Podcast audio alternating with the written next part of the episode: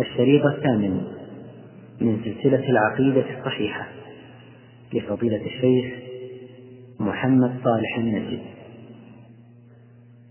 فأولئك عسى الله أن يعفو عنهم إن الله وكان الله غفورا رحيما. القسم الثاني شوف التقسيم الدقيق لابن القيم رحمه الله لقضية أتباع طريقة كفرية. طريقة ما كفرية. أولا جهال مقلدون. ثانيا المتمكن من السؤال وطلب العلم ومعرفة الحق ولكنه يترك ذلك اشتغالا بدنياه ورئاسته ولذته ومعاشه وغير ذلك فهذا مفرط مستحق للوعيد آثم بترك ما وجب عليه من تقوى الله. فهذا حكمه حكم أمثاله من تاركي بعض الواجبات. فإن غلب ما فيه من البدعة والهوى على ما فيه من السنة والهدى ردت شهادته. وإن غلب ما فيه من السنة والهدى قبلت شهادته. لاحظ هذا ما قال عرف الحق. ورفض. لا. قال يتمكن من البحث والتعلم يتمكن. عنده كتب عنده مصادر عنده مشايخ عنده عقل يستطيع لكن ترك البحث الحق وعن الحق. وقال خلاص أنا أقلد هذا وانتهينا ليه؟ لماذا ترك؟ اشتغال بالدنيا. هذا فاسق. القسم الثالث أن يسأل شوف الآن كل الكلام على الأتباع. على من؟ الأتباع. الثالث أن يسأل ويطلب ويتبين له الهدى ويتركه تقليدا أو تعصبا أو بغضا ومعاداة لأصحابه فهذا أقل درجاته أقل درجاته أن يكون فاسقا وتكفيره محل اجتهاد وتفصيل. فمما سبق تبين لنا إعذار الأئمة لمن وقع في الكفر تقليدا إن كان جاهلا لا بصيرة له ولا فقه. أما من كان قادرا على فهم الحجة وفرط في طلبها فإنه يأثم. ولكنه لا يكفر إلا بعد قيام الحجه عليه. وقد قلنا سابقا يا إخوان إن مساله قيام الحجه هذه مسألة نسبية وأن تختلف باختلاف الأحوال والأزمنة والأمكنة والوسائل أيضا. وقلنا بعض البلدان قد يكون فيها مقرر التوحيد في المدرسة الابتدائية والمتوسطة والثانوية على جميع الطلاب والطالبات مأخوذ من كتاب والسنة قائم على الطريقة السلفية الصحيحة ومفند للمذاهب الباطلة. مثل مقررات التوحيد الموجودة عندنا الآن هنا؟ هذه إذا كان درسها درسها أهل البدع وعرفوا ما فيها وعندهم عقول. فبعض المقررات الدراسية قد تكفي في إقامة الحجة. لاحظ معي بينما بلدان ثانية يمكن يقرر عليها الكفر. ما ولا يدرون هذا هو العقل. وكذلك في وسائل مثلا يمكن الآن بالإنترنت تصل يمكن إقامة الحجة على ناس في أقصى العالم. ما يمكن كان إقامة الحجة عليهم من قبل. أنت الآن ممكن تقيم الحجة على واحد في نيو جيني وفي البرازيل وفي الأرجنتين وفي أستراليا وفي آخر الدنيا. ممكن. تقيم بالإنترنت الحجة عليه. ممكن. فإذا في وسائل وأشياء ممكن تستعمل. وقلنا الدعاة مطلوب منهم جدا جدا قضية الاشتغال بإقامة الحجة لأن الله يريد هذا. الله يريد إقامة الحجة على الناس. والله يريد لئلا يكون للناس على الله حجة بعد الرسل. فالاشتغال الدعاة بذلك في تحقيق مقصد شرعي وطلب رباني من الأمة أن تقوم بإقامة الحجة على الناس وعلى الخلق ويكونوا شهداء على الناس. طيب بعد أن عرفنا الآن قضية موانع التكفير. ندخل الآن في المكفرات في نواقض الإيمان الكفر بأنواعه والشرك بأنواعه ونتحدث عن هذه القضايا العظيمة. أولا كفر الجحود والتكذيب. وكذلك استحلال أمر معلوم تحت تحريمه من الدين بالضرورة. أما مسألة كفر الجحود والتكذيب من جهة والاستحلال والإنكار من جهة أخرى فلعل التفريق بين هذا وهذا ليس بكبير. ولذلك في كلام الأئمة يدخل هذا مع هذا. قال الإمام ابن بطة رحمه الله فكل من ترك شيئا من الفرائض التي فرضها الله في كتابه أو أكدها رسوله صلى الله عليه وسلم في سننه على سبيل الجحود لها والتكذيب بها فهو كافر بين الكفر. وقال القاضي عياض وكذلك نقطع بتكفير كل من كذب كل بتكفير كل من كذب وأنكر قاعدة من قواعد الشرع وما تواتر كمن أنكر وجوب الصلوات الخمس. وكذلك يقول ابن قدامة رحمه الله وأما إذا كان الجاحد لها ناشئا هذا يتكلم على إيش؟ على فريضة الصلاة. أما إذا كان الجاحد لها ناشئا في الأمصار بين أهل العلم فإنه يكفر بمجرد جحودها. ولا يقال عندك عذر ما عندك عذر. كما أسلفنا كنا واحد ينشأ بين مسلمين خطباء وإمة وكتيبات وأشرطة مطويات وإذاعة القرآن الكريم والدعاة إلى الله يتكلمون. والمدرسين التربية الإسلامية في المدارس ما أكيد أنه ما, دخل المدارس إلا مر عليهم سمع منهم. ثم يأتي ويقول أنا ما عندي علم أن الصلوات الخمس وما جحدها ليش ما معذور معذور بجهله؟ لا يمكن.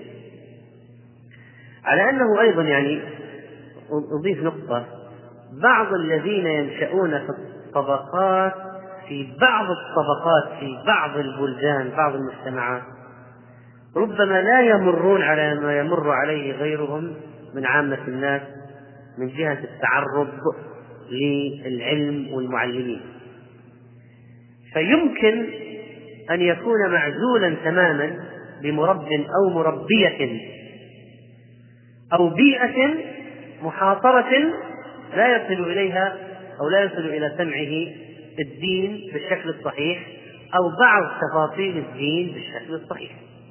ممكن.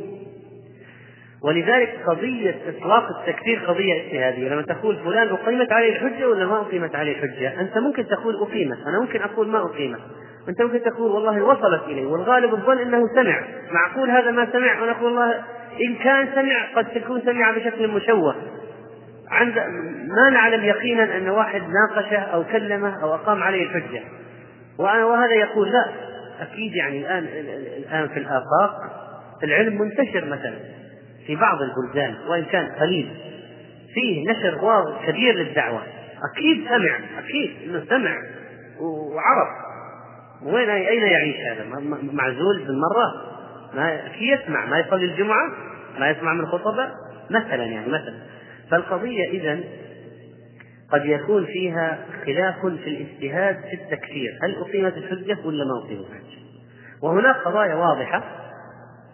لا ينبغي النقاش فيها. قال ابن قدامة في مسألة تارك الصلاة وأما إذا كان أو جاحد الصلاة أما إذا كان الجاحد لها ناشئا في الأمصار بين أهل العلم فإنه يكفر بمجرد جحودها. ثم قال ومن اعتقد حل شيء أجمع على تحريمه أجمع على تحريمه وظهر حكمه بين المسلمين وزالت الشبهة فيه للنصوص الواردة فيه كلحم الخنزير. إيش الشبهة يعني؟ لو واحد قال عنده شبهة في لحم الخنزير. هذا ممكن يكون عنده واحد إلا ذكرتوني بواحد عنده شبهة في لحم الخنزير. قال قال بشخص ترى لحم الخنزير الآن ما هو حرام. قال نعم. ليه؟ قال لحم الخنزير كان حرام من زمان لأنه كان يأكل القاذورات الآن الخنزير أكله نظيف فما هو حرام. طبعا هذا إلى الاستهزاء أقرب صح ولا لا؟ يعني يفهم أن تقول إنه أن هذا عنده عذر فعلا. قاذورات ما قاذورات أنت أمامك نقص لحم الخنزير حرام. إن شاء الله لو يأكل جواهر ودرر فإذا آه، يقول كما قال ابن رحمه الله وزالت الشبهة للنصوص الواردة فيه كلحم الخنزير والزنا وأشباه هذا مما لا خلاف فيه كفر. لما ذكرنا في تارك الصلاة؟ إلى آخر كلامه رحمه الله تعالى. لو قال واحد ما هو الفرق بين التكذيب والجحود وبين الاستحلال والإنكار؟ فيمكن أن يقال أن التكذيب أعم من الجحود إذ الجحود يكون في اللسان والكذب يكون في القلب واللسان والعمل. فيقال كل جحود تكذيب وليس كل تكذيب جحود. لكن كلها تكفر يعني هذا يكفر وهذا يكفر. لكن العلماء يقولون كفر التكذيب ويقولون كفر الجحود. وقلنا إن بعض التفريقات فنيه يعني تسمية اصطلاحات تقسيمات فنيه للتسهيل الفهم يعني. ولا قد يكون نتيجة واحدة لكن لتسهيل الفهم. قال الشيخ الحافظ الحكمي رحمه الله حافظ الحكمي أنواع الكفر لا تخرج عن أربعة كفر جهل وتكذيب وكفر جحود وكفر عناد واستكبار وكفر نفاق. وقال أيضا وإن انتهى تصديق القلب مع عدم العلم بالحق فكفر الجهل والتكذيب. قال الله تعالى بل كذبوا بما لم يحيطوا بعلمه ولما يأتيهم تأويله. وإن كتم الحق مع العلم بصدقه فهذا كفر الجحود والكتمان. قال الله تعالى وجحدوا بها واستيقنتها أنفسهم ظلما وعلوا. والجحد كثيرا ما يقترن بالعناد. طيب الآن عرفنا التكذيب وعرفنا الجحد. طيب الاستحلال. اعتقاد أن الله لم يحرم شيئا حرمه تعالى. أو أنه أباح شيئا اعتقاد أن الله أباح الشيء الذي حرمه الله عز وجل. فهذا إذا الكفر اعتقادي مختص بالنواهي باستحلالها مخالفة النواهي باستحلالها. ونذكر هنا أن الواحد ممكن يكفر باستحلال الحرام حتى لو ما فعله. فلو واحد قال أنا أعتقد أن الزنا حلال وترى أنا ما زنيت ولا مرة. فنقول أنت كافر ولو ما زنيت ولا مرة. وذاك الذي زنى وهو معتقد بتحريم الزنا لا يكفر. مرتكب كبيرة مستحق للعذاب لكن لا يكفر. أما الإنكار فهو يقابل المعرفة كما أن التكذيب يقابل التصديق.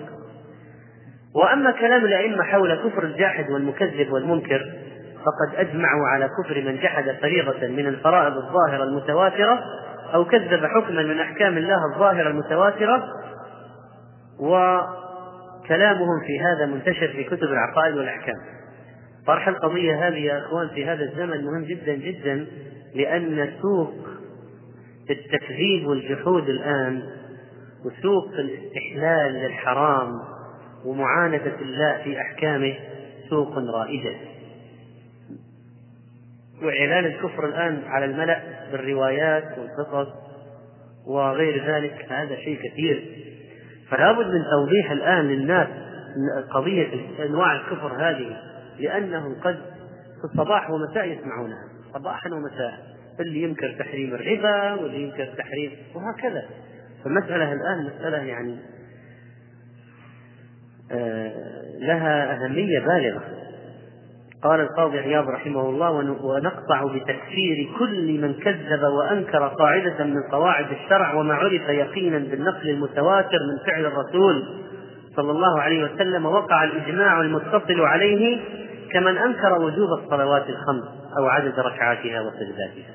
وقال أيضا وكذلك من أنكر القرآن أو حرفا منه أو غير شيئا منه أو زاد فيه. وكذلك من أنكر شيئا مما نص فيه القرآن بعد علمه أنه من القرآن الذي في أيدي الناس ومصاحف المسلمين ولم يكن جاهلا به ولا قريب عهد بالإسلام. وكذلك من أنكر الجنة أو النار أو البعث أو الحساب أو القيامة فهو كافر بإجماع النص عليه وإجماع الأمة على صحة نقله متواترة. وكذلك قال شيخ الإسلام ابن تيمية رحمه الله ومن جحد وجوب بعض الواجبات الظاهرة المتواترة كالفواحش والظلم والخمر والميسر والزنا وغير ذلك. أو جحد حل بعض المباحات الظاهرة المتواترة كالخبز واللحم والنكاح. فهو كافر مرتد يستتاب فإن تاب وإلا قتل إذا لو جحد تحريم الزنا أو جحد حل الخبز يكفر. وقال ابن القيم رحمه الله شوف يا إخوان أنا القضية ما هي قضية اكل الخبز واللحم يعني ان هذه يعني إيش لا المسألة مساله مبدأ. أن الله أحل هذا ولا لا؟ بغض النظر وش خبز ورق. بغض النظر ما هو الله أحله ولا لا؟ فإذا جاء واحد قال لا حرام. هذا معاند معاند مكذب لله. الله يقول حرام يقول حلال. الله يقول حلال يقول حرام. إذا هذا كافر فلا قضية قضية خبز ولحم قضية قضية المعاندة وإنكار الأحكام الشرعية والإصرار على مضادة حكم الله ورسوله. هذا التكفير يكفر من هذا الباب. وقال ابن القيم رحمه الله وكفر الجحود نوعان كفر مطلق عام وكفر مقيد خاص. فالمطلق أن يجحد جملة ما أنزله الله. يقول كل الشريعة هذه ما تصلح التخلف هذه شريعة التخلف هذه تبع زمان والآن خلاص. طلعوا القمر وخلاص. ذهب ما هنالك. وهذه قالوها كثير والآن يصرحون بها. أصحاب الأدب المعاصر وغيرهم خلاص الشريعة موضة قديمة انتهت فكفر الجحود نوعان كفر مطلق عام وكفر مقيد خاص. فالمطلق أن يجحد جملة ما أنزله الله. أو يجحد إرسال الرسول صلى الله عليه وسلم يجحد السنة كلها والقرآن. والخاص المقيد أن يجحد فرضا من فروض الإسلام أو تحريم محرم من محرماته. أو صفة وصف الله بها نفسه. أو خبرا أخبر الله به.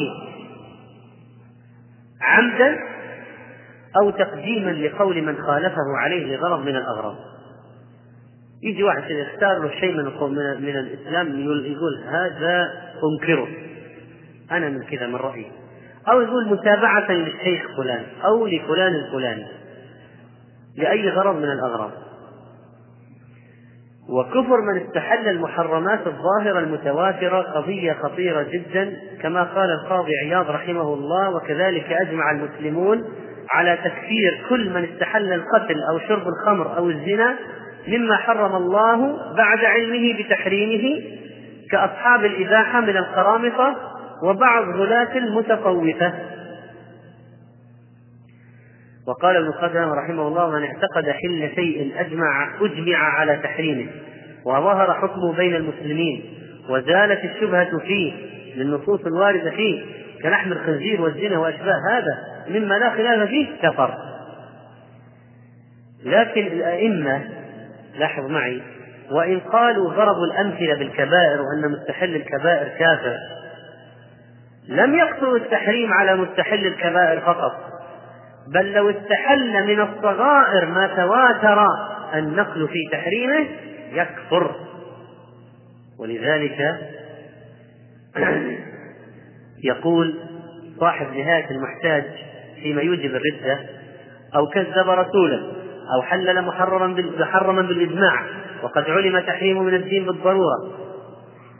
ولم يجد خفاؤه علينا كالزنا واللواط وشرب الخمر والمكس أو نفى مشروعية مجمع على مشروعيته معلوما كذلك ولو نفلا كالرواتب.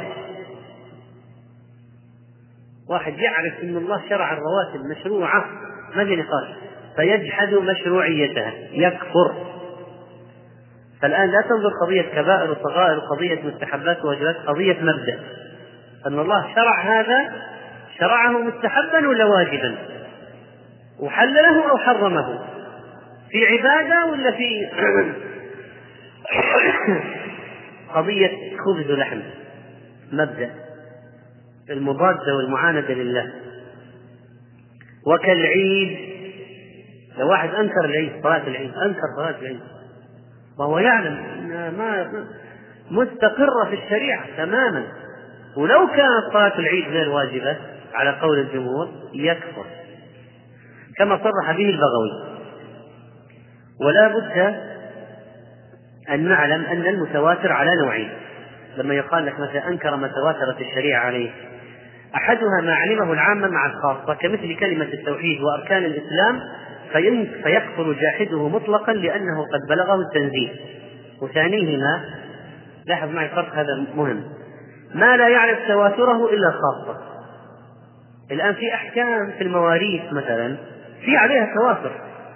لكن ما يعرفها العامة بعض العامة ما يعرفونها فلو أنكرها العامي وهو لا يعلم أنها متواترة فلا بد من فرق قضية التكفير ليست هذا ثانيهما ما لا يعرف تواتره إلا الخاصة فلا يكفر مستحله من العامة لأنه لم يبلغه وإنما يكفر من استحله وهو يعلم حرمته بالضرورة. مثل تحريم الصلاة على الحائط إلى أمثال ذلك أمثال كثيرة. فهذا يبين أن التواتر لا يكفي وإنما لابد أن يكون العامي أو الشخص اللي ينكر يعلم أنه متواتر ويعلم أن الشيء مستقر في الشريعة. ولا ليس عنده شك أنه مشروع وموجود في الدين. من ولذلك أمور الإسلام الظاهرة التي يشترك في معرفتها الخاص والعام الخواص والعوام كالصلاة مثلا فهذا من أنكر كافر. لكن لو جاء واحد وجحد أن بنت الابن تستحق السدس مع بنت الصلب جحد تحريم نكاح المعتزلة. ما يعرف هذه ترى مجمع عليها.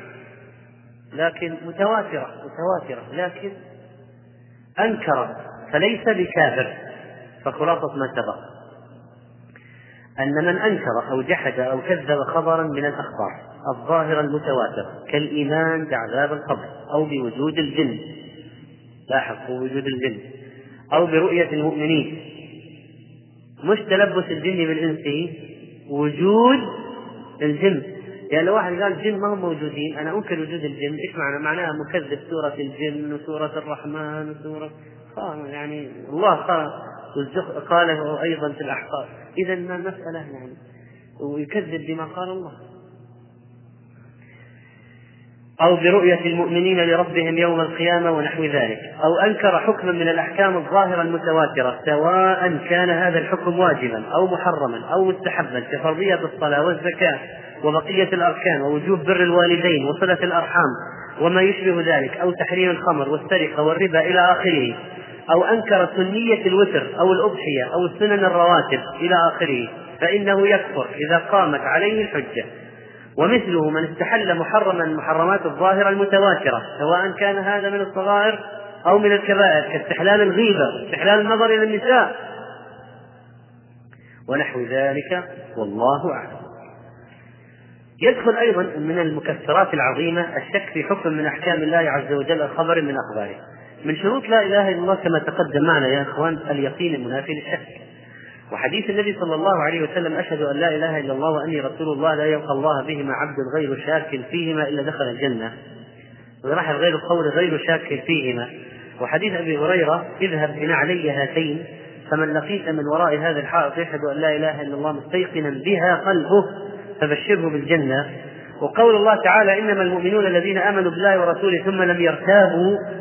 وقوله إنما إنما يستأذنك الذين لا يؤمنون بالله واليوم الآخر وارتابت قلوبهم. واضح جدا أن من شروط الإيمان اليقين وعدم الشك وعدم الارتياب. واليقين هو روح أعمال القلوب. فإذا الذي يشك في هذا الأمر يكفر. يناقض لا إله إلا الله. قال ابن القيم رحمه الله كفر الشك أن لا يجزم بصدقه ولا يكذبه بل يشك في أمره. يوضح بمثال قال القاضي عياض ولهذا نكفر من دان بغير ملة المسلمين من الملل أو وقف فيهم. يا أخي اليهود والنصارى كفار ولا لا؟ توقف أو وقف فيهم أو شك يقول أنا أشك ما متأكد أنهم كفار. ماني متأكد أن اليهود والنصارى كفار ماني متأكد. فمن جان بملة غير من أو وقف فيهم أو شك أو صحح مذهبهم قال هم على حق ونحن على حق. وإن أظهر مع ذلك الإسلام والشهادتين وصلى وصام وزكى فهو كافر. فهو كافر. فإذا لما المسألة الآن مسألة خطيرة وقضية مهمة. ذكر شيخ الإسلام حكم من لم يكفر الكافر سواء كان كافرا أصليا كاليهود والنصارى أو ثبت كفره يقينا كالباطنية. فقال في الرد على أهل الحلول والاتحاد وأقوال هؤلاء يعني أهل الحلول والاتحاد يقولون الله حل في المخلوقات كل ما ترى بعينك فهو الله. الله كل شيء. قال تعالى الله عن قوله قال شيخ الإسلام وأقوال هؤلاء جماعة ابن عربي وابن سبعين وابن فارس وأقوال هؤلاء شر من أقوال النصارى. النصارى يقولون ثلاثة هذا قالوا كل شيء كل شيء الله. يعني ملايين الأصناف اللي في الدنيا البلايين النصارى أعقل منهم. قال وفيها من التناقض من جنس ما في أقوال النصارى ولذلك يقولون بالحلول تارة.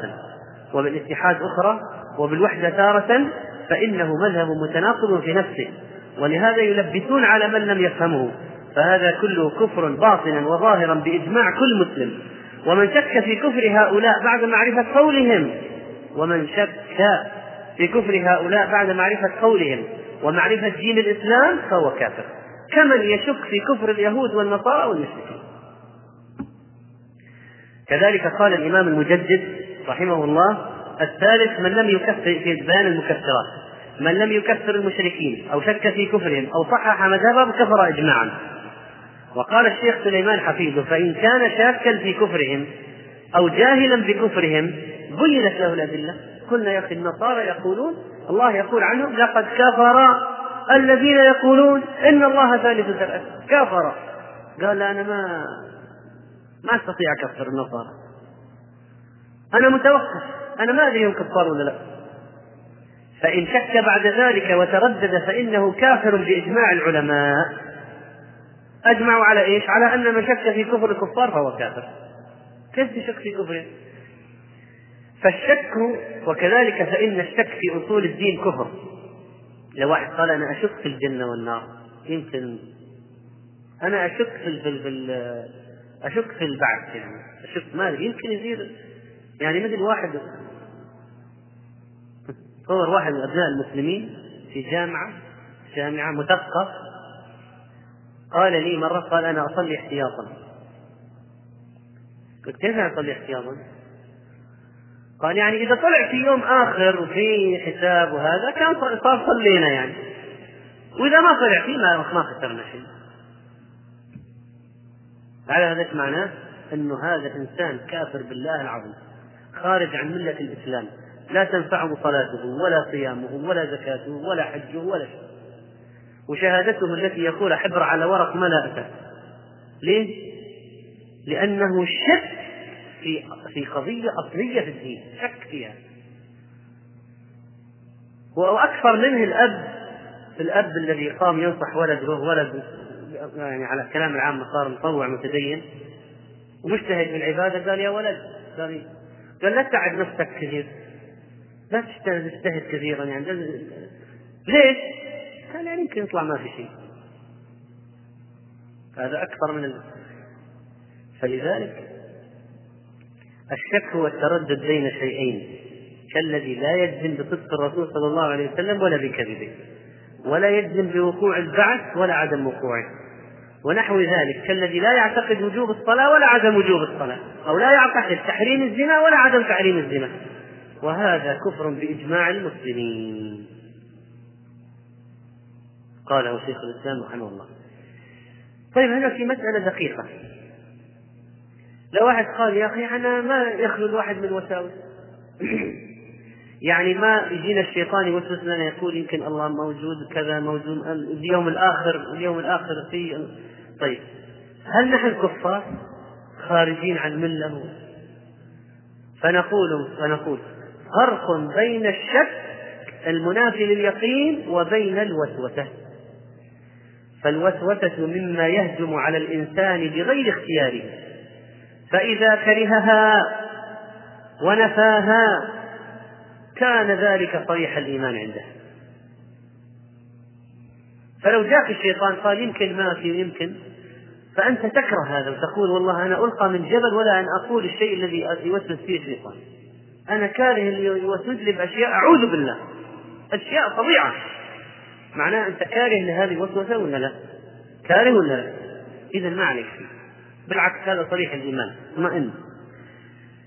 لكن من الذي يشك بدون وسوسة يشك هو كذا عقيدته يقول أنا أعتقد أن ما يمكن في يمكن ما. هذا هذا إنسان ما هي قضية وسوسة هذه شك عنده في قلبه. ولذلك لو وسوس الشيطان فكره كذلك ما عليك حاجة إطلاقا. وأما إذا استكان لوسوسة الشيطان وصدق فيها وبنى عليها خلاص كفر. فإذا المسألة الآن لا تحتاج إلى قضية يعني قلق وإزعاج لأن بعض الناس كثير من هذه القضية يعتبر نفسه كافر بعض الناس. وهذا لا يجوز. اطمئن ما دمت أنت ما دمت أنت موقن بالله وأنه الخالق الرازق المحيي المميت ويجب عبادته وحده لا شريك له. موقن بالجنة وأن الله خلقها من زمان وأن الله خلق النار من زمان وأن البعث حق والجنة حق والنار حق والحساب حق وعذاب القبر حق والساعة آتية وأن الله يبعث من في القبور.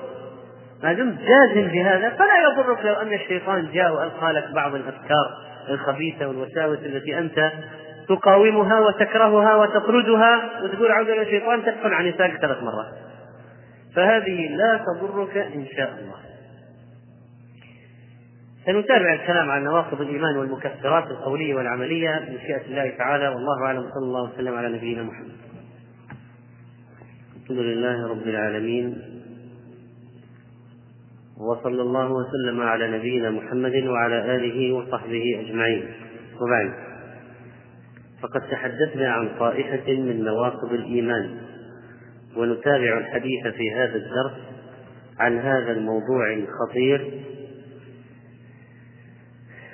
والذي ينبغي معرفته خصوصا في هذا الزمان الذي كثر فيه الشرك وأنواعه والكفر وأنواعه. ومن نواقض الإيمان أيها الإخوة ولا شك الشرك بالله عز وجل. ومن ذلك الشرك في الربوبية. وقد سبق تعريف توحيد الربوبية. فما هو الشرك في الربوبية؟ الشرك في الربوبية مثل أن يوصف أحد من الخلق بأي صفة من صفات الله عز وجل الذاتية أو الفعلية المختصة به سبحانه وتعالى كالخلق أو الرزق أو علم الغيب أو التصرف في الكون حتى ولو أثبت هذه الصفات لله. فلو قال الله يعلم الغيب وفلان يعلم الغيب مثلا فإن ذلك يعتبر من المخالفة للتوحيد مخالفة أساسية ناقضة للإيمان. وهذا الشرك يكثر لدى الفرق المنحرفة كغلاة الصوفية والباطنية حيث يعتقد أهل الرفض مثلا في أئمتهم المعصومين الاثني عشر بزعمهم أنهم يعلمون الغيب. وتخضع لهم ذرات الكون ونحو ذلك.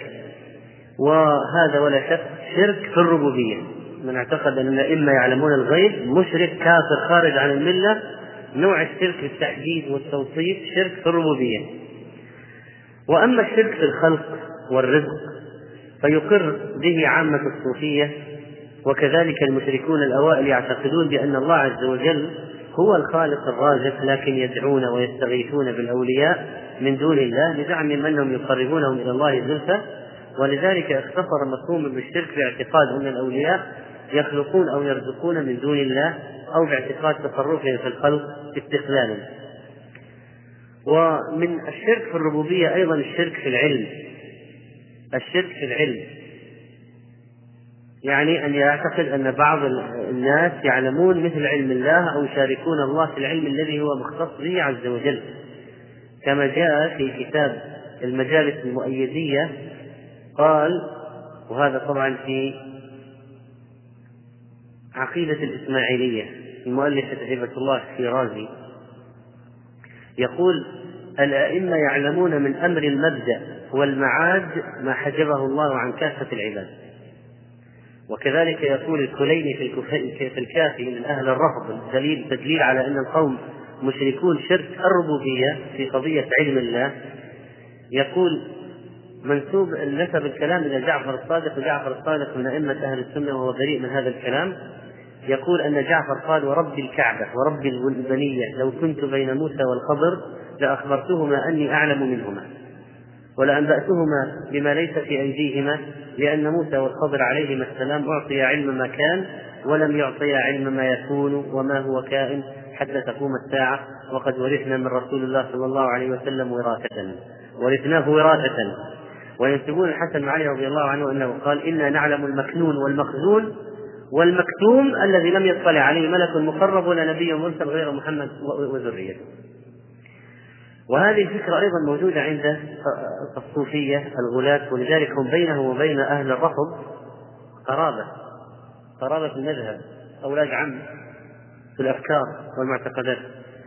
وهذا عبد الكريم الجيل الصوفي صاحب كتاب الإنسان الكامل يزعم أنه كشف له عن حقائق الأمور من الأزل إلى الأبد وأنه رأى جميع الأنبياء والمرسلين والملائكة. وهذا الشعراني صاحب طبقات الطبقات الكبرى ينقل عن سيد الخواص أنه كان يعلم ما يكتب في اللوح المحفوظ ساعة بساعة. ومما قاله المتصوفة وينبغي على المريد أن يعلم أو أن يعتقد في شيخه أنه يرى أحواله كلها كما يرى الأشياء في الزجاجة. وهذا الكلام في كتب التيجانية في كتاب رماح حزب الرحيم في محور حزب الرجيم. شوف. وكذلك فإن أهل السنة والجماعة يعتقدون أنه لا يعلم الغيب إلا الله وهذا واضح من خلال الآيات ولله غيب السماوات والأرض وإليه يرجع الأمر كله. قل الله أعلم بما لبثوا له غيب له غيب السماوات والأرض. ما الفرق بين غيب السماوات والأرض له وبين له غيب السماوات والأرض؟ التخصيص له غيب السماوات والأرض اختص به سبحانه وتعالى. قل لا أقول لكم عندي خزائن الله ولا أعلم الغيب. أولئك يقولون ولدناها وراثة عنه عن محمد صلى الله عليه وسلم. كذبوا. ينسبون إلى الأئمة كذب. عن النبي صلى الله عليه وسلم أنهم ورثوا من وراثة. قل لا يعلم من في السماوات والأرض الغيب إلا الله. النبي عليه الصلاة والسلام قال مفاتيح الغيب خمس لا يعلمهن إلا الله. لا يعلم ما تغيب الأرحام إلا الله ولا يعلم ما في غد إلا الله ولا يعلم متى يأتي المطر أحد إلا الله ولا تدري نفس بأي أرض تموت إلا الله ولا يعلم متى تكون الساعة إلا الله. والحديث رواه البخاري. وكذلك لما قال عز وجل عالم الغيب فلا يظهر قال عن نفسه عالم الغيب فلا يظهر على غيبه أحدا إلا من ارتضى من رسول. فإذا هذا بين أنه صلى الله أن الله عز وجل يعني خاص مختص بعلم الغيب وأنه إذا أطلع رسول على شيء من الغيب لحكمة مثل ما أطلع الرسول صلى الله عليه وسلم مثلا على بعض ما يكون عند قيام الساعة فحدث نبيه عليه الصلاة والسلام فيما يعرف بأشراط الساعة. فأطلعوا على شيء محدود. على شيء معين. عالم الغيب فلا يظهر على غيبه أحدا إلا من ارتضى من رسول فيطلعه على أمر معين وليس على كل شيء. يوم يجمع الله الرسل فيقول ماذا أجبتم؟ قالوا لا علم لنا إلا ما علمتنا إنك أنت علم الغيوب. وقال عن نبيه قل لا أقول لكم عندي خزائن الله ولا أعلم الغيب ولا أقول إني ملك. فإذا من ادعى علم الغيب لنفسه أو لغيره كافر. من ادعى علم الغيب لنفسه أو لغيره فهو كافر مكذب بالقرآن. وقد قال الله لنبيه أن يقول قل ما كنت بدعا من الرسل وما أدري ما يفعل بي ولا بكم. فهذه الأخبار قد جاءت في القرآن الكريم بهذا عن سائر الأنبياء وأن إبراهيم عليه السلام لم يعلم بأنه يولد له ولد من زوجته سارة إلا بعد أن جاءته الملائكة وجاءته في صورة بشر فلم يعرفهم وذبح لهم عجلا ولم يكن يعرف مقصدهم حتى أخبروه أنهم يريدون أن يذهبوا لتدمير قرية قوم لوط ولما جاءوا لوطا ساءه ذلك ولا يعلم حقيقة أمر هؤلاء وظن أنه قد ابتلي بهم بهؤلاء الأضياف وكيف يدافع عنهم؟ ثم ما عرف الحقيقة إلا بعد ما أخبروه أنهم ملائكة وأنهم جاءوا وإن جاء أهلي إلى امرأته إذا هو المختص بعلم الغيب عز وجل. ولو قيل إنه سبحانه إنه سبحانه وتعالى قال إلا من ارتضى من رسول فنقول هذه في أمور معينة. عند الله تعالى علم الغيب وحده. وبيده طرق الغيب لا يملكها إلا هو. فإذا شاء إطلاع أحد من خلقه من الرسل مثلا على شيء من الغيب أطلعه عليه مثل أشراط الساعة وأن بعض الصحابة في الجنة وأحوال بعض أهل النار وأهل الجنة كما أطلعوا عليها وقال رأيت صاحبة التي التي حبست سرتها في النار. أخبرنا بأمور من الغيب عن ربه عز وجل. طبعا أما بالنسبة للغيب كل ما غاب عنك فهو غيب. قد يكون في الماضي أشياء صارت قد يكون في الحاضر أشياء الآن في قاع المحيطات قد يكون في المستقبل وهو الذي لا يعلمه إلا الله المستقبل. الماضي قد يعلمه بعض الناس والحاضر يعلمه بعض الناس. ولذلك هذا قضية الغيب الماضي والحاضر هذه قضية نسبية. فبعض الناس يعلمون أشياء لا يعلمها آخرون من أخبار الماضي أو من أخبار الحاضر. أما المستقبل فلا يعلمه إلا الله عز وجل. ولذلك لابد من تمييز هذه القضايا لئلا يتسارع بعض الناس في الحكم على أشخاص آخرين بالكفر دون أن يكون هناك بينة شرعية. ولذلك ابن عربي ابن العربي الإمام المالكي ابن العربي رحمه الله لما علق على قضية مقام الغيب مقامات الغيب الخمس التي لا يعلمها إلا الله وأنه قد تفرد بعلمها وأن من قال إنه يعلم ما في الرحم فهو كافر طبعا ما في الرحم هذا يشمل إيش؟ أنه شقي ولا سعيد؟ يعلم عمله. يعلم متى يولد كم يوم بالضبط هل يجهر هل يموت ناقص هل يولد ناقص أو كامل يكمل المدة أو أنه لا يكمل المدة أو يسقط جنينا قبل أن يكتمل. كل ذلك لا يعلمه على الحقيقة إلا الله. بقيت قضايا معينة مثلا ذكر ولا أنثى؟ مثلا. هذه المسألة إذا كان فيها تجربة قال الإنسان فيها بخبرته وتجربته. قال من خبرتي وتجربتي إنها تحمل ذكرا. فإن كان لهذا سبب واضح فلا نقول كافر. لا. ويقول ابن العربي رحمه الله والتجربة منها أن يقول الطبيب إذا كان الثدي الأيمن مسود الحلمة فهو ذكر وإن كان ذلك في الثدي الأيسر يعني مسود مسود الحلمة فهو أنثى. هذه تجربة عند بعض الأطباء يقولون بذلك. وقد تكون صح وقد تكون خطأ. وإن كانت المرأة تجد الجنب الأيمن أثقل فهو ذكر وإن وجدت الجنب الأشأم أثقل فالولد أنثى. فإذا ادعى أن هذا عادة أن هذا ولد جده من خلال تجربته قال لم نكفره ولم نفسقه وأما من ادعى علم الكسب في مستقبل العمر فهو كافر. وكذلك الآن لو قالوا في الآلات صورناه بعد عمر معين لعل رأينا كذا. لا يقال هذا كافر لأنه لا يخبر عن غيب مستقبل يخبر عما يراه بالأجهزة الآن. ثم قد يكون صادقا وقد لا يكون. وأخبر واحد إنه إنها أنثى فراح اشترى ملابس أنثى يوم ولد طلع ذكر. كل الملابس اشتراها على الفاضي. فإذا حتى هذه قضية ليس بالضرورة أنهم يخبرون بها على الوجه الدقيق.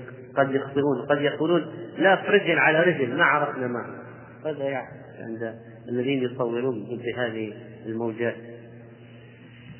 قال الصديق حسن خان رحمه الله فمن اعتقد في نبي أو ولي أو جن أو ملك أو إمام أو ولد الإمام أو شيخ أو شهيد أو منجم أو رمال أو جبار أو فاتح فال أو برهما أو راهب أو جنية أو خبيث أن له مثل هذا العلم وهو يعلم الغيب فهو مشرك بالله.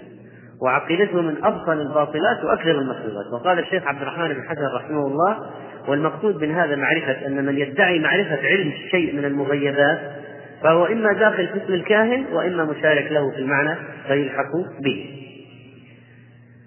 في وهناك أيضا مما يخرج عن الملة وينقض الإيمان وينافي توحيد الربوبية منافاة أساسية قضية الشرك في التصرف. الشرك في التصرف من ضمن ما تقول به بعض الفرق الباطنية تأليهم لبعض الأشخاص.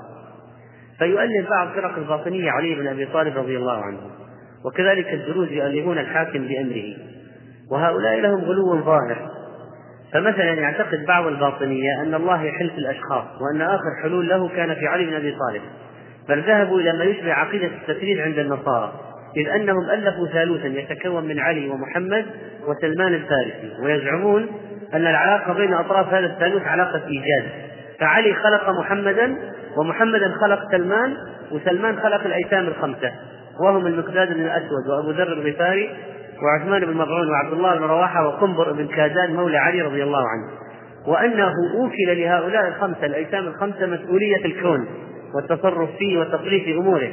فالمقداد موكل إليه الرعد والصواعق والزلازل وأبو ذر موكل إليه الرياح وقبض أرواح البشر وقنبر موكل إليه نفخ الأرواح في الأجسام. وعلي بن أبي طالب وسلمان والأيتام الخمسة يتفردون بتصريف أمور الكون من الخلق والموت والحياة. وهذا من أخص صفات الربوبية. فإذا من يعتقد هذا فلا شك أنه كافر كفرا أكبر. كذلك تقدم أن الإمامية الاثنى عشرية ينسبون إلى علي بن أبي طالب رضي الله عنه من رواية جعفر بن محمد قوله انتقل النور إلى غرائزنا ولمع في أئمتنا فنحن أنوار السماء وأنوار الأرض فبنا النجاة ومنا مكنون العلم وإلينا مصير الأمور. وبمهدينا تنقطع الحجج. وكذلك ينسبون إليه أنه قال. شوف الاعتقاد هذا اللي يقول كيف يكفر؟ يكفر يكفر وإذا كان في أكثر من الكفر شيء فهو صاحبه. يقولون ونحن الذين بنا شوف يقول علي عن الأئمة ونحن الذين بنا تمسك السماء أن تقع على الأرض إلا بنا وبنا تمسك الأرض أن تميد بأهلها. وبنا ينزل الغيث وتنشر الرحمة. وكذلك قالوا إن لأئمتنا درجة سامية وخلافة تكوينية تخضع لها جميع ذرات الكون. وإن لأئمتنا خلافة سامية ومكانة تكوينية أو خلافة تكوينية درجة سامية وخلافة تكوينية تخضع لها جميع ذرات الكون. خلاص هذا شرك الربوبية. وكذلك المتصوفة جعلوا بعض أئمتهم أو الولي عندهم أو الغوث الأعظم مساويا لله عز وجل في بعض صفاته.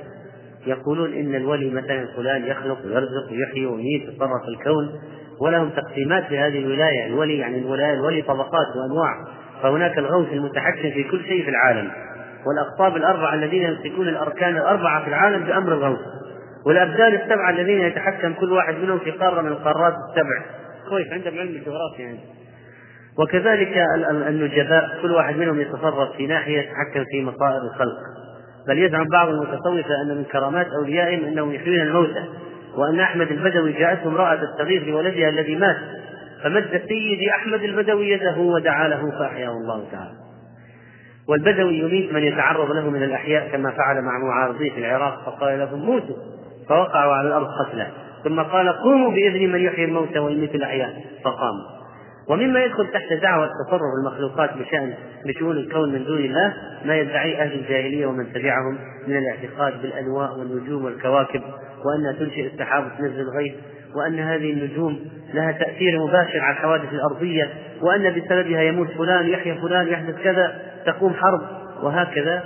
فهؤلاء أيضا مشركون شرك الربوبية أما أهل السنة والجماعة المسلمون يعتقدون أن الله سبحانه وتعالى مختص بهذه الأشياء وأن النفع والضر والخير والشر والخلق والرزق والإحياء والإماتة والتصرف في شؤون العالم كله بقضائه وقدره ومشيئته وأمره عز وجل وأنه وأنه يأمر ملائكته بالأوامر المختلفة فينفذون. وقال عز وجل للنبي صلى الله عليه وسلم قل لا أملك لنفسي نفعا ولا ضرا إلا ما شاء الله وقال عز وجل قل إني لا أملك, لا أملك لكم ضرا ولا رشدا وما النصر إلا من عند الله.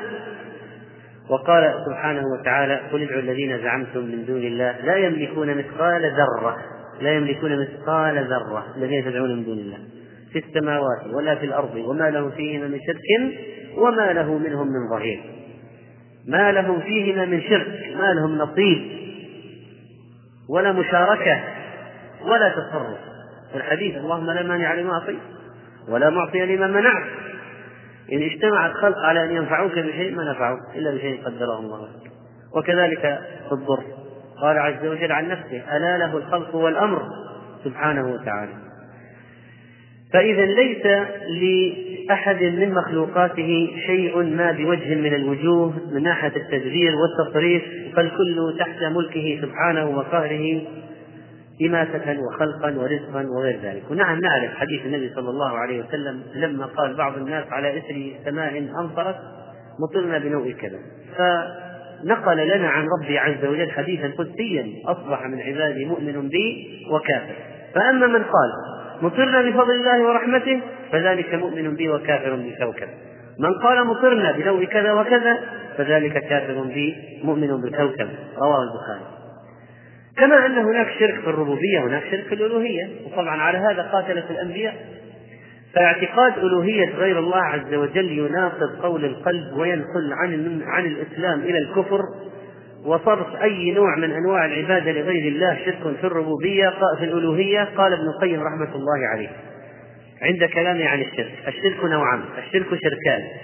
شرك يتعلق بذات المعبود وأسمائه وأفعاله. وهذا شرك إيش؟ ربوبية وشرك في عبادته ومعاملته. وهذا شرك الألوهية. وإن كان صاحبه يعتقد أنه سبحانه لا شريك له في ذاته ولا في صفاته ولا في أفعاله. والشرك الأول وهو الشرك الذي يتعلق بالمعبود في ذاته وصفاته نوعان. شرك التعطيل وهو أقبح أنواع الشرك. كشرك فرعون قال وما رب العالمين. لا يوجد. ما ادعى قال أنا رب العالمين والنوع الثاني شرك من جعل معه إلها آخر ولم يعطل أسماءه وربوبيته وصفاته. ما عطلها تعطيلا كما يفعل الملاحدة والجاحدون لله كفرعون. لكن يشركون مع كشرك النصارى الذين جعلوه ثالث ثلاثة فجعلوا المسيح إلها وأمه إلها. وكذلك شرك المجوس الذين يسندون حوادث الخير إلى النور وحوادث الشر إلى الظلمة. وكذلك شرك القدرية الذين يقولون كل واحد يخلق أفعاله بنفسه. الله ما يخلق أفعال العباد. من الذي يخلقها؟ قالوا كل واحد يخلق أفعاله بنفسه. فهذا هؤلاء المشركون أيضا في الربوبية. وكذلك مشركو الطابئة مشركون الطابئة الذين يشركون بالكواكب العلويات وأن لها أشياء في التدبير. فهؤلاء المشركون شركا أكبر في الربوبية. النوع الثاني وهو شرك الألوهية الذي يتعلق بالعبادة صرف العبادة لله تعالى لغير الله تعالى صرف العبادة لغير الله تعالى. وقلنا سابقا إن أكثر البشر ما أنكروا توحيد الربوبية ما أنكروا من جهة يعني ما أنكروا وجود الله مثلا لكن أشركوا معه غيره. قال شيخ الإسلام رحمه الله ومعلوم أن أحدا من الخلق لم يزعم أن الأنبياء والأحبار والرهبان أو المسيح ابن مريم شاركوا الله في خلق السماوات والأرض. ولا زعم أحد من الناس أن العالم له صانعان متكافئان في الصفات والأفعال. لكن أين حصل أكثره الشرك في الألوهية؟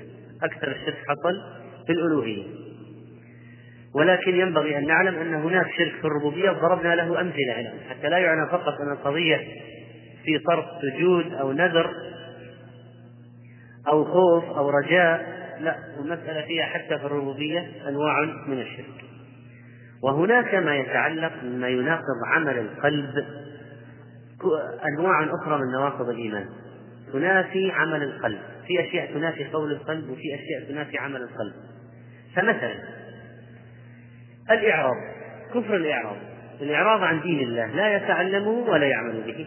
فما هو الإعراض؟ الإعراض عن الشيء الصد عنه. ثم أعرض عنها يعني تركها.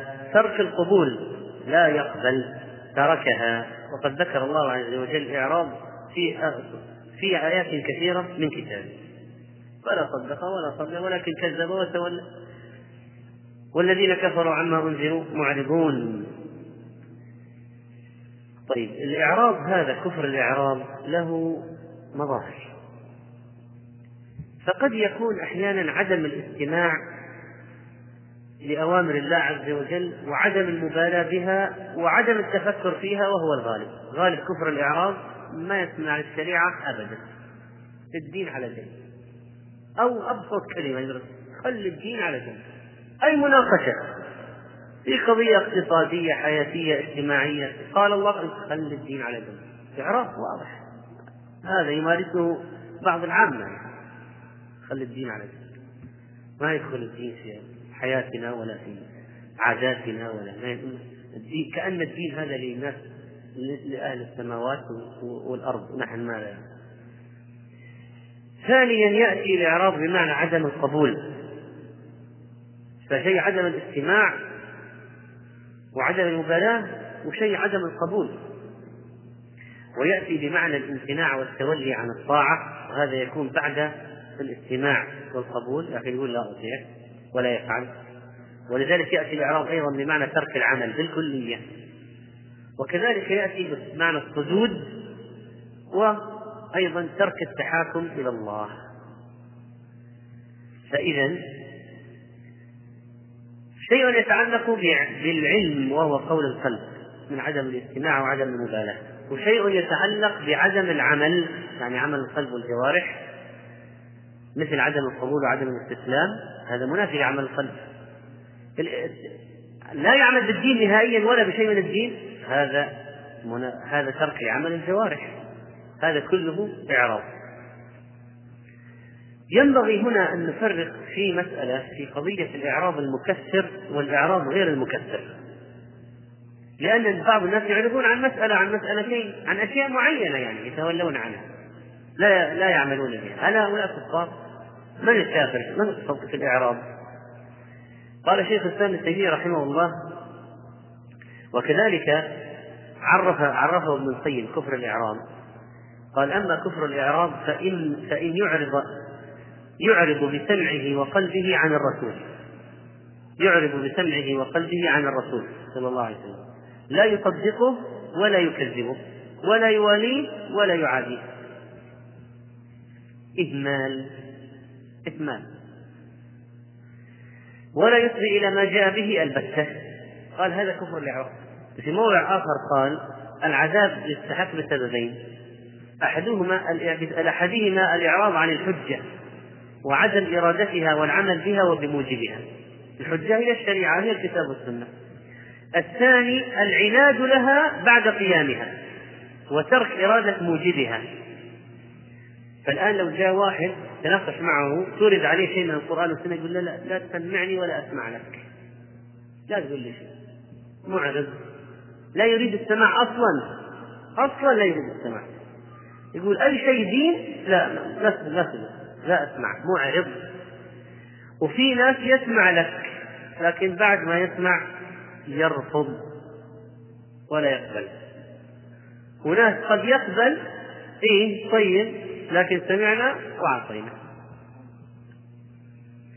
فالإعراض المكثر على حسب ما ذكر الإمام القيم رحمه الله من نوع اللامبالاة لا يسمع الحجة ولا يبحث عنها ولا يفكر فيها.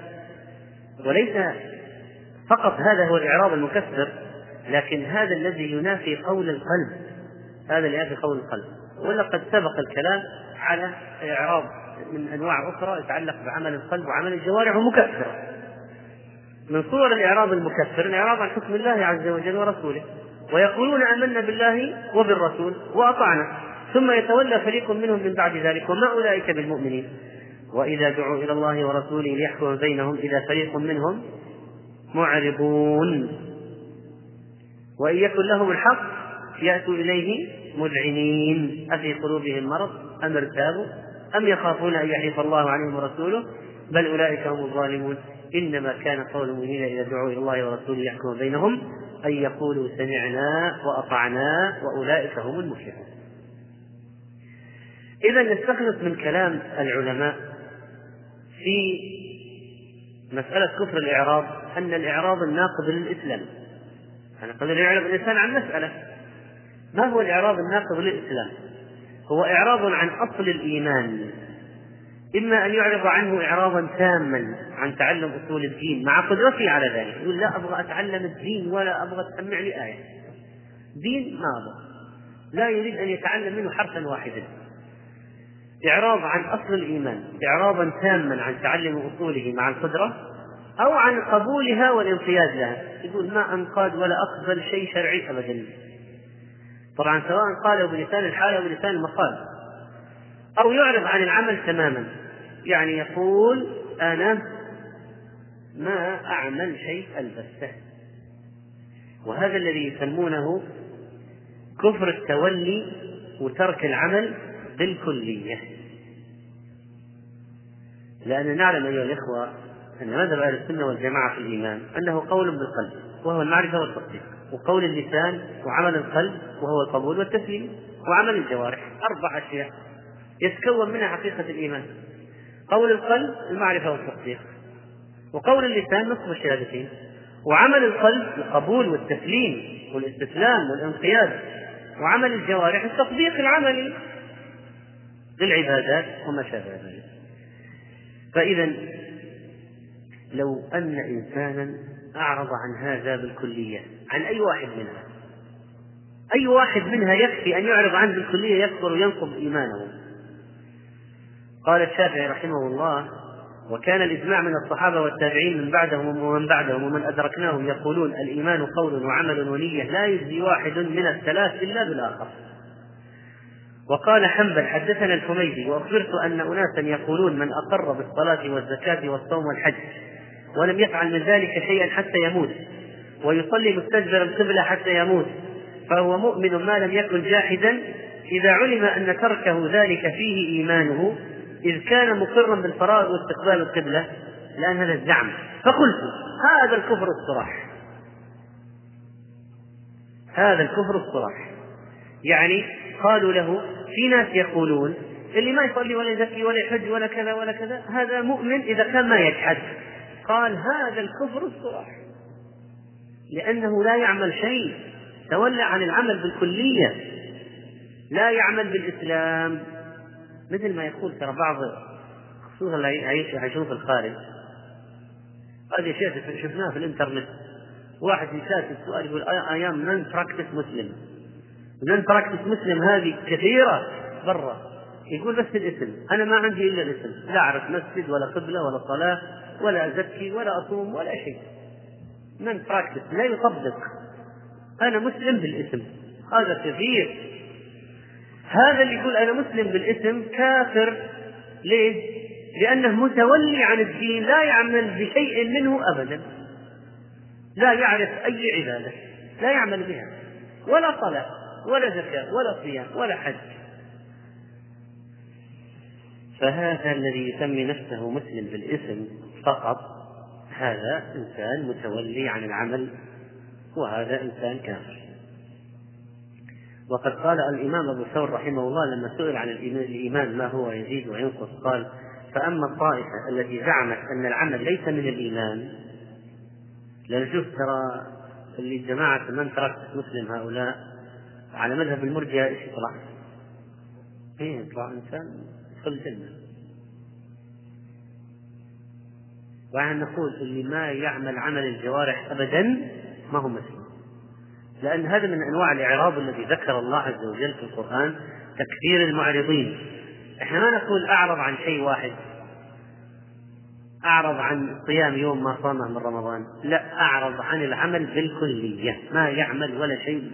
هذا إنسان غير مسلم وإن ادعى الإسلام. فيقول أما الطائفة التي زعمت أن العمل ليس من الإيمان فيقال لهم ما أراد الله عز وجل من العباد إذ قال لهم أقيموا الصلاة وآتوا الزكاة. كيف أبو ثور ذكي كيف يناقش؟ يقول يقال للذين يقولون العمل ليس شرط في الإيمان. يقال لهم ماذا أراد الله من عباده لما قال لهم أقيموا الصلاة وآتوا الزكاة؟ الإقرار فقط أو الإقرار والعمل؟ إيش الله ماذا أراد من هذا الأمر؟ فإن قالوا إن الله أراد الإقرار ولم يرد العمل فقد كفروا؟ يكذب. الله يريد العمل ولا لا؟ إذا واحد قال الله لا يريد العمل إذا هذا كافر. فإن قالوا أراد منهم الإقرار والعمل قيل فإذا أراد منهم الأمرين جميعا لم زعمتم أنه يكون مؤمنا بأحدهما دون الآخر وقد أرادهما جميعا؟ أرأيتم لو أن رجلا قال أعمل جميع ما أمر الله ولا أقر به؟ شوف النقاش. لو أن رجلا قال أنا أعمل جميع ما أمر الله لكن لا أقر به. مثل هذاك اللي يقول أنا أصلي احتياطا. أو يعني هم يقول يمكن يمكن يمكن. فهذا قال أنا أعمل كل شيء لكن لا أقر به. أيكون مؤمنا؟ فإن قالوا لا يعني لا يكون مؤمنا لأن أعماله ما لها أساس الإقرار هذا بدون إقرار عملهم باطل. قيل لهم فإن أقر بجميع ما أمر الله به وقال لا أعمل منه شيئا أيكون مؤمنا؟ لاحظ الله أراد إقرار وعمل. يقول يقر أن الله أوجب هذا وحرم هذا ثم عمل. فإن قالوا إنه أراد الأمرين جميعا فيقال طيب إذا واحد قال أقر لا أقر لكن أعمل كل شيء. يقالوا لا هذا كافر. طيب وإذا قال أقر لكن ما أعمل ولا شيء. فيكون مؤمنا؟ فإن قالوا نعم قيل لهم فما الفرق؟ وقد زعمتم أن الله أراد الأمرين جميعا. ومثل الإيمان في الأعمال مثل الأعمال في الإيمان كمثل القلب في الجسم لا ينفك أحدهما عن الآخر لا يكون ذو جسم حي لا قلب له ولا ذو قلب بغير جسم فهما شيئان منفردان وهما في الحكم والمعنى منفصلان.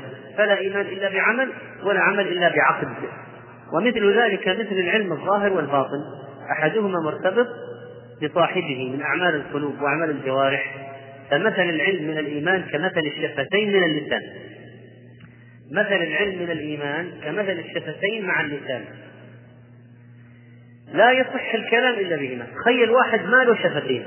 ما عنده لسان بس ما له شفتين. كيف يطلع الكلام؟ ولا كلمة.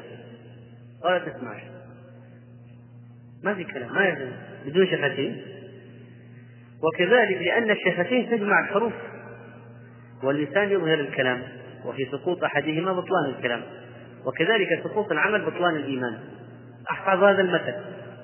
الإيمان العمل مع الإيمان مثل الشفتين مع اللسان.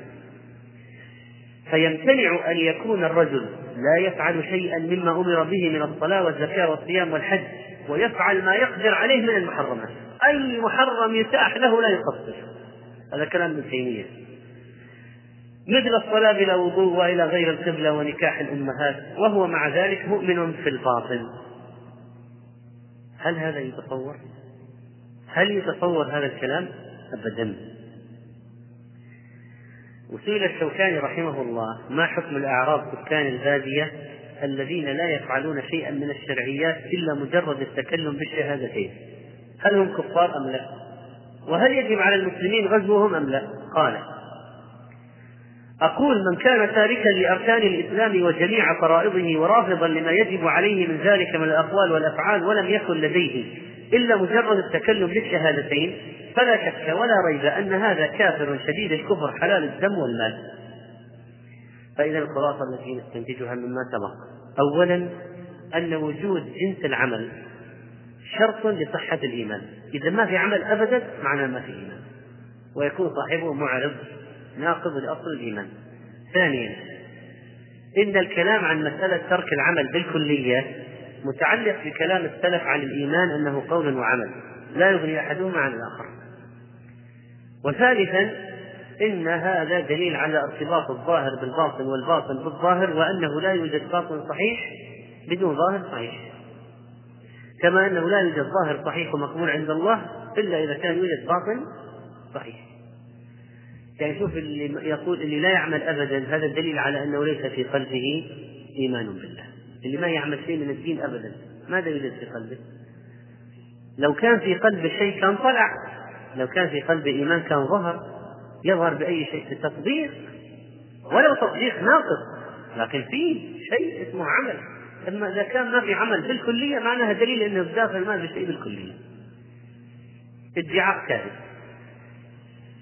فإذا تصور الآن ما ينتج عن القول إن الإيمان هو مجرد التصديق القلبي وأن الكفر هو التكذيب والجحود فقط. وهذه مصيبة المرجئة وهذه معركتنا معهم. يقولون الإيمان هو التصديق والكفر هو هو الجحود والتكذيب. طيب والعمل والمعرض عن العمل بالكلية. وما شابه ذلك.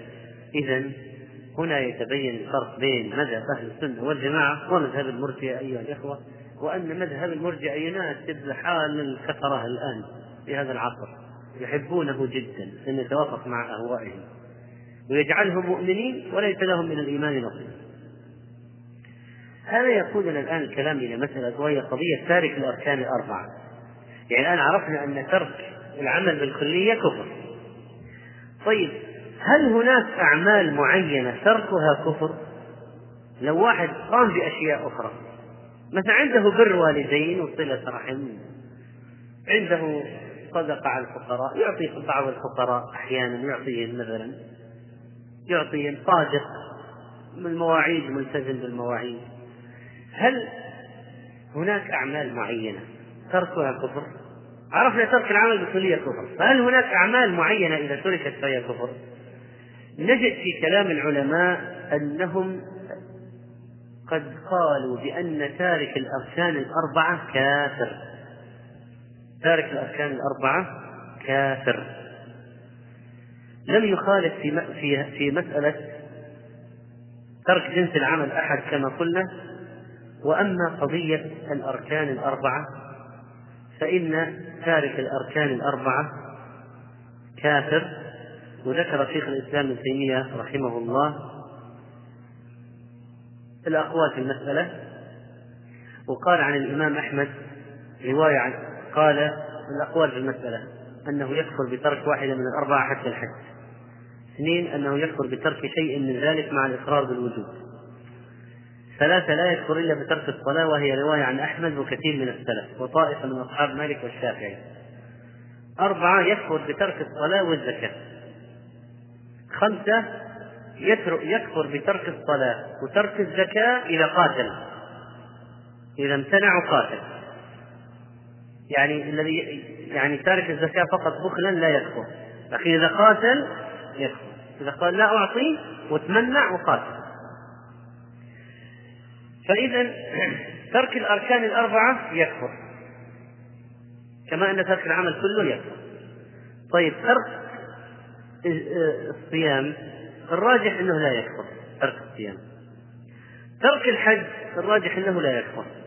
باختصار الآن نقول. بقينا في ترك الصلاة والزكاة. هذه المسألة فيها خلاف كبير كبير طبعا. الراجح أن تارك الصلاة بالكلية. كافر حتى لو كان كسلا لماذا؟ لأجل النص بين الرجل وبين الكفر ترك الصلاة فمن تركها فقد كفر. وما في شيء آخر منصوص على أن تركه كفر من الأعمال لا إلا هذا ولذلك قلنا به خلاص التارك هو قال فمن تركها فقد كفر. طيب والراجح أيضا أي صلاة يتركها كافر؟ أو ماذا؟ أو ترك يوم أو يومين أو أسبوع؟ الحديث الراجح والله أعلم. كما هو نص الحديث فمن تركها أي ترك الكلي يعني تارك الصلاة بالكلية كافر ولو أقر. لأنه قال فمن تركها ما فرق بين الجحود وعدم الجحود. فمن تركها فقد كفر. طيب تارك الزكاة أيضا فيه نقاش كثير وخلاف في قضية تارك الزكاة.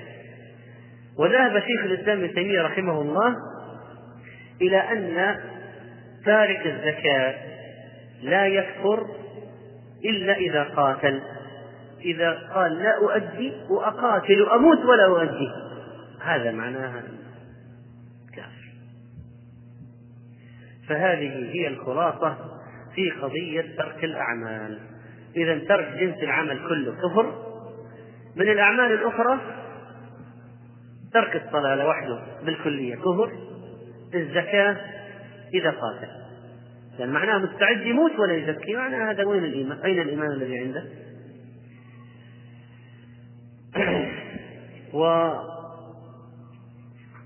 وينبغي أن نعلم. شوف لاحظ معي لما يقول بعض الناس إن الجمهور يقولون تارك الصلاة لا يكفر وهذا حقيقة ما ننكرها لا يقولون إن ترك أصل العمل لا يكفر فحتى الذين يقولون بعدم كفر تارك الصلاة من علماء السلف من علماء أهل السنة والجماعة لا يقولون إن ترك العمل بالكلية ما يكفر.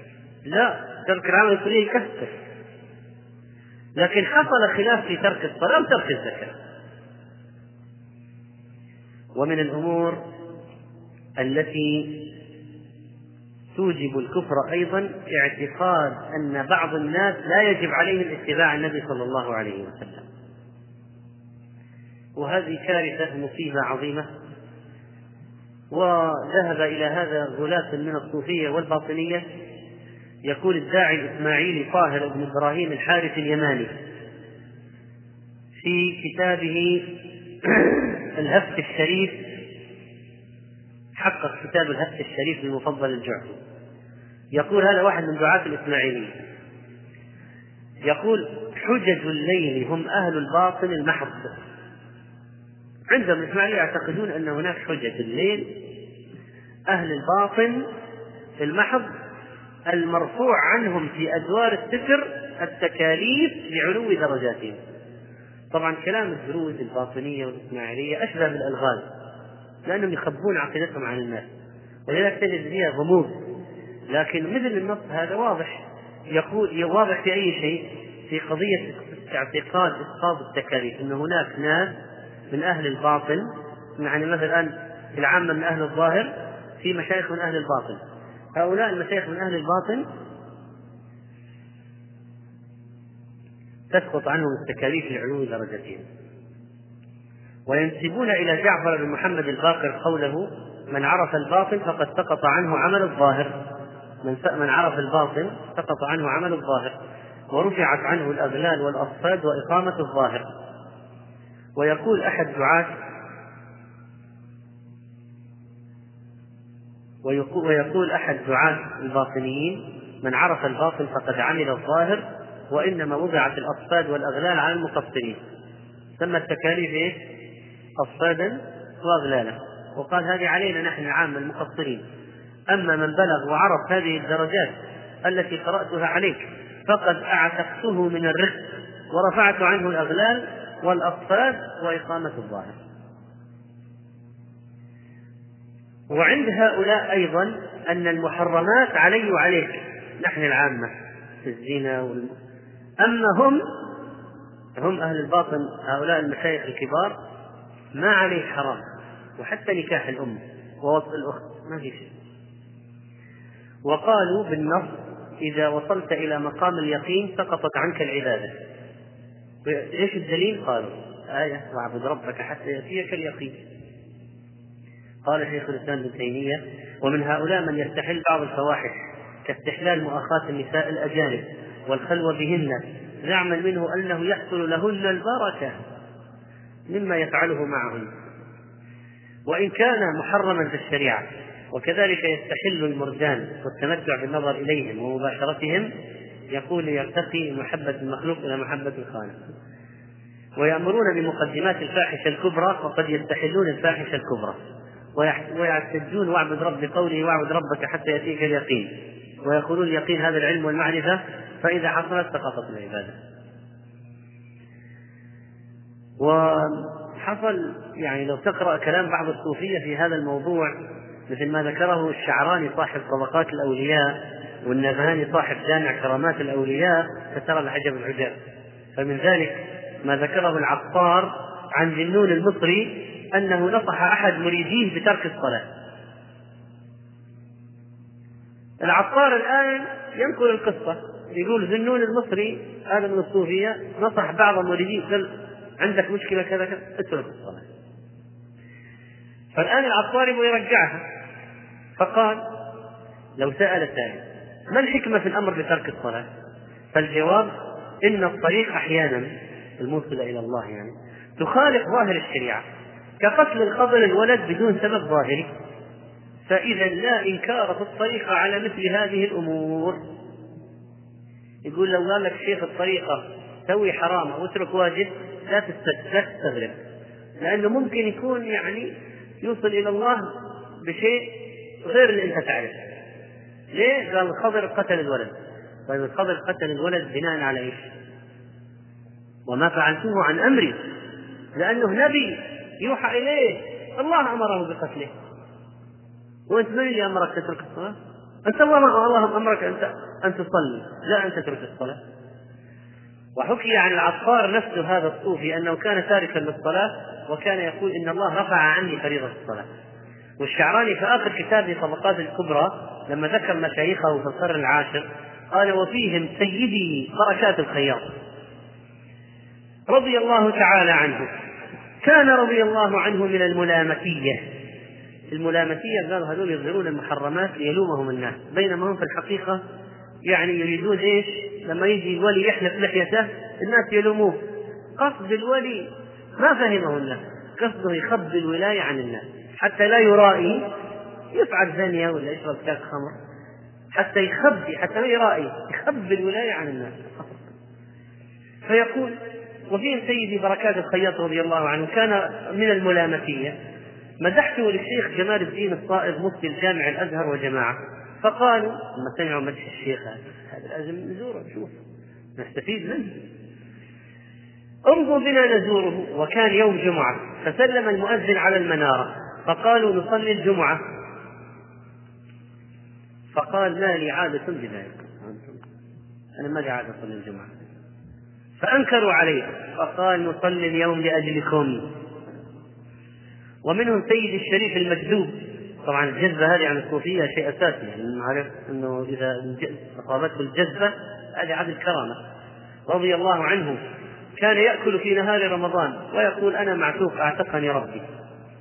وكان يرى حلال زينة الدنيا كالحرام في الاجتناب. وكانت الخلائق تعتقده يأتون إليه ويعدون رؤيته عيدا وهذا طبعا موجود ترى في العالم الإسلامي. يعني شيوخ من هذا النوع ألفين. ترى فيه. التكاليف الشرعية أيها الإخوة مشروطة بالعلم والقدرة. فمتى تحقق العلم والقدرة وجب العمل. ولذلك الذي لا يستطيع لا يكلف كالطفل والمجنون ثم أعظم الناس درجة عند الله من هم؟ الأولياء ولا الأنبياء؟ أليس الأنبياء؟ فهل رأيت النبي صلى الله عليه وسلم في يوم من عمره ترك صلاة واحدة؟ أو ترك صوم يوم دون عذر؟ أليسوا كان كانوا أشد الناس في الشعائر والنوافل ومن العلماء عند العلماء معلوم أن من استحل الحرام كفر فكيف بمن يستحل جميع المحرمات ويترك جميع الواجبات؟ ثم الولاية والولاية بيننا وبين الصوفية ميدان للمعركة. الولاية متى تنال؟ بأي شيء تنال؟ متى تنال ولاية بأي شيء تنال ولاية الله؟ ألا إن أولياء الله لا خوف عليهم ولا هم يحزنون الذين آمنوا وكانوا يتقون. ما هم يفعلون محرمات ويؤخون النساء الأجانب والمردات واعبد ربك حتى يأتيك اليقين. ما هو اليقين؟ تفسير السلف. قال الحسن البصري إن الله لم يجعل لعمل لم يجعل لعمل المؤمن أجلا دون الموت. فإذا اليقين هو الموت باتفاق المسلمين والمفسرين. ثم قالوا ما سلككم في سقر؟ قالوا لم نكن من المصلين. فإذا هذا سبب دخول الجنة وكنا نخوض مع الخاضين وكنا نكذب يوم الدين حتى أتانا اليقين. ما هو اليقين؟ الموت. فما تنفعهم شفاعة الشافعي؟ أيضا من نواقض الإيمان أيها الإخوة النفاق.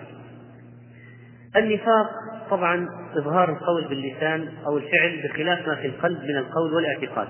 يستر كفره ويظهر إيمانه. النفاق كلمة نفاق اسم إسلامي. لم يعرفه العرب من قبل. يعني الإسلام هو الذي جاء بكلمة النفاق ومعناها هذا فلم تكن موجودة عند العرب لا يعرفونها من قبل. النفاق كالكفر. يوجد نفاق دون نفاق.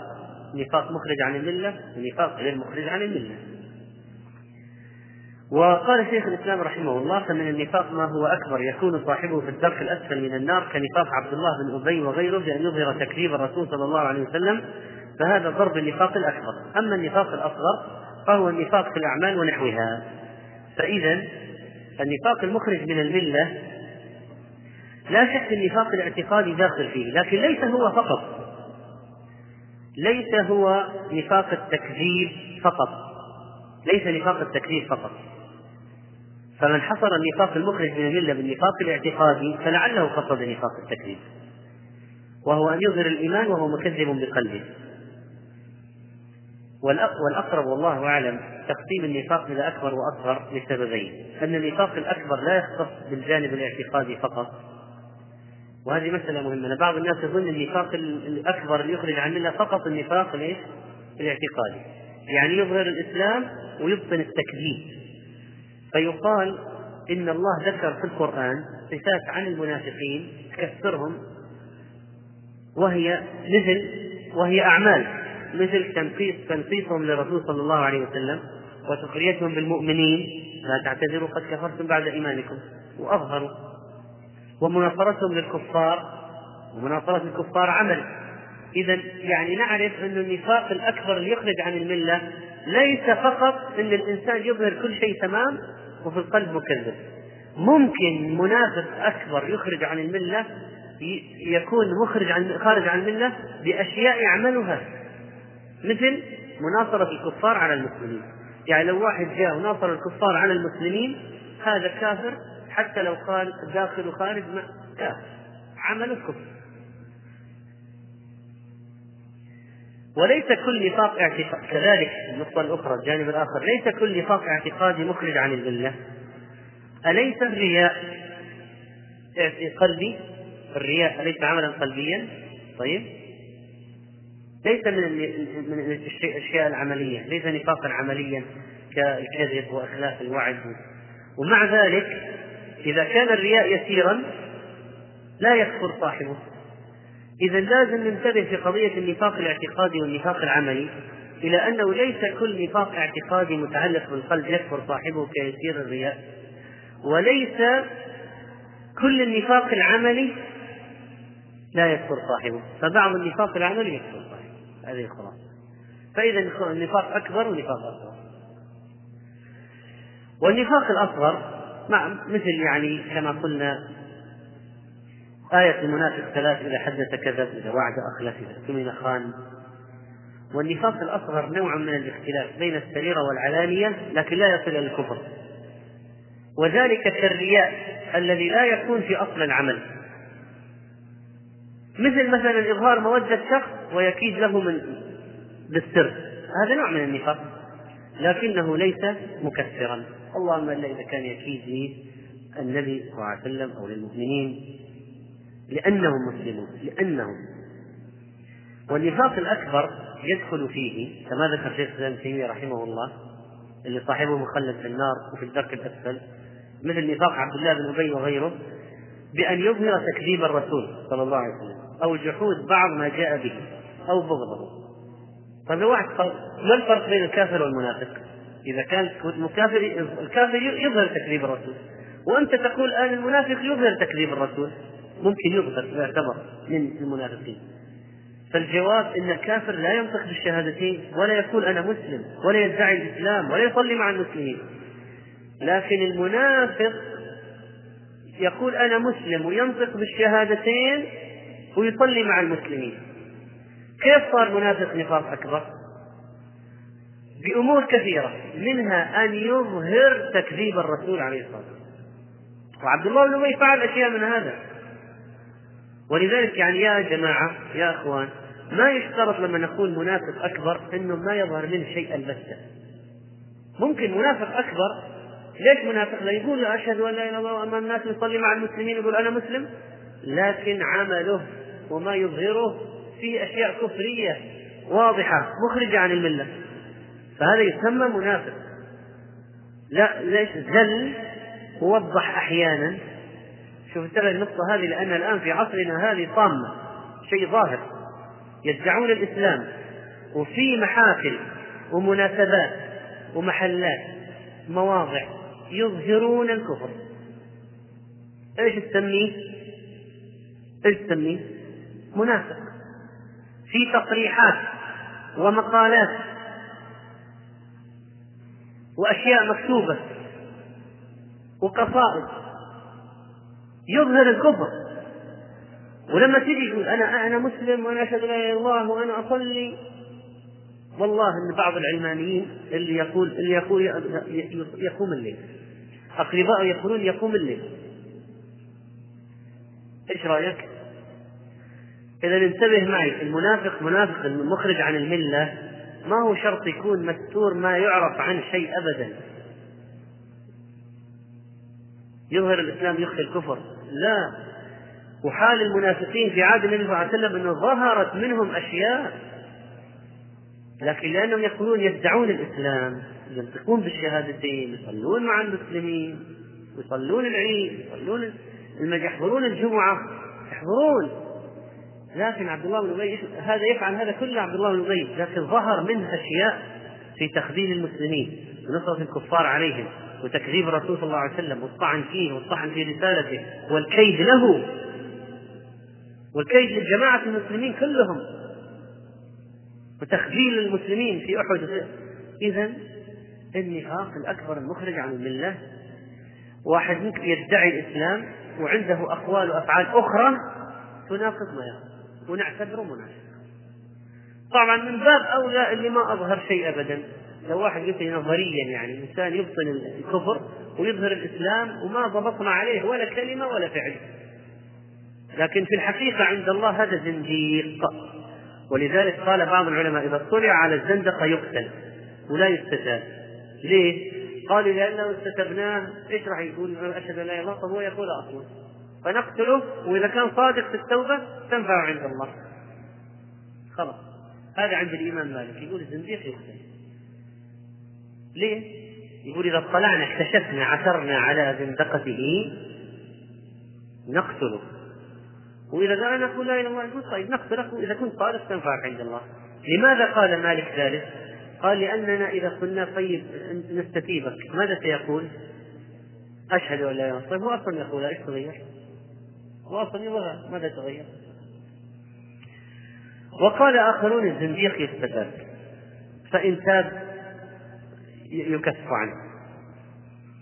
ابن تيمية رحمه الله ذكر في النفاق الأكبر قال كنفاق عبد الله بن أبي بأن يظهر تكذيب الرسول أو جحود بعض ما جاء به أو بغضه أو عدم اعتقاد وجوب اتباعه أو المسرة بانخفاض دين الرسول. إذا انهزم المسلمون في معركة أظهر السرور. فقط. لأن المسلمين انهزموا أو المساء بظهور دينه. لو قيل له دخل اليوم في الإسلام ألف من الكفار. ينغم على الخبر هذا. انتصر المسلمون في البلد الفلانية. ينغم. هذا منافق. ليش؟ لأنه ساءه ظهور الإسلام وانتصار المسلمين. ونحو ذلك مما لا يكون صاحبه إلا عدوا لله ورسوله. وهذا القدر كان موجودا في زمن رسول الله صلى الله عليه وسلم وما زال بعده بل هو بعده أكثر منه في عهده. شوف كلام ابن تيمية الخبير بالواقع الإنسان المعايش للناس وعارف طبقات المجتمع. يقول بل هو بعده النفاق بعد النبي صلى الله عليه وسلم أكثر منه على عهده وهذا واضح في عصرنا جدا. العلمانيين هذول هم المنافقين. يظهرون الإسلام لكن شوف المقالات والأفعال. فإذا يتبين لنا أن أي مظهر من مظاهر النفاق الأكبر يحكم على صاحبها بالنفاق الأكبر ولو كان يدعي الإسلام مثل تكذيب الرسول صلى الله عليه وسلم بغض الرسول صلى الله عليه وسلم أو بغض بعض ما جاء به من الشريعة المسرة بانخفاض دين الرسول صلى الله عليه وسلم أو كراهية انتصار دين الرسول صلى الله عليه وسلم. عدم اعتقاد وجوب تصديقه فيما أخبر عدم اعتقاد وجوب طاعته فيما أمر إيذاؤه أو عيبه أو لمزه صلى الله عليه وسلم. وهذا مهم يا أخوان الآن بعض الذين يكتبون يقولون أدباء الأدب وما الأدب. يجي على قصيدة وقصة ويلمز دين الإسلام ويلمز نبي الإسلام. عف كلمة سب وانتقاد. نعم؟ ولما تجي تقول انت كذا انت كذا انت كذا هذا كفر يقول أنا أنا مسلم أنا أشوف حسباتي وأنا مسلم نقول لقد أظهرت الكفر وهذا عمل لا يحتمل يعني يجي واحد يقول مثلا يسب النبي صلى الله عليه وسلم إيش العذر طيب؟ إيش يقول؟ أنا ما أعرف إن هذا كفر؟ أنا ما كنت عارف إن هذا كفر؟ إيش يقول؟ قصدي طيب؟ غلطت في الكلمة؟ إيش؟ فإذا كانت المسألة واضحة جدا ما لها تبرير ولا له عذر هذا ما يتردد في كفره إذا كان بهذه الطريقة. كذلك مظاهرة الكافرين ومناصرتهم على المؤمنين أو الاستهزاء والسخرية بالمؤمنين لأجل إيمانهم. ما هو لشيء شخصي بينه وبينه؟ لأجل إيمانهم. التولي والإعراض عن حكم الله وحكم رسوله. كل هذه الأشياء حصلت من المنافقين يقولون عن النبي صلى الله عليه وسلم أذن قل أذن قل أذن خير لكم. ومنهم من يلمزك في الصدقات.